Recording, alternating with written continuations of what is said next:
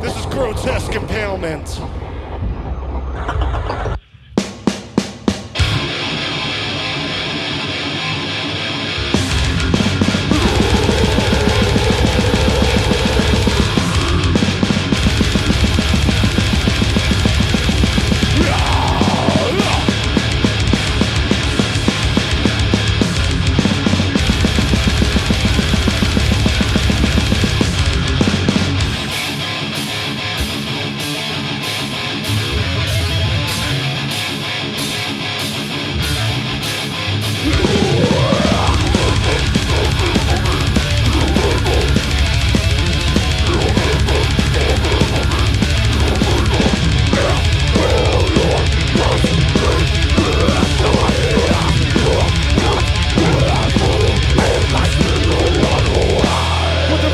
Horns in the air, motherfuckers!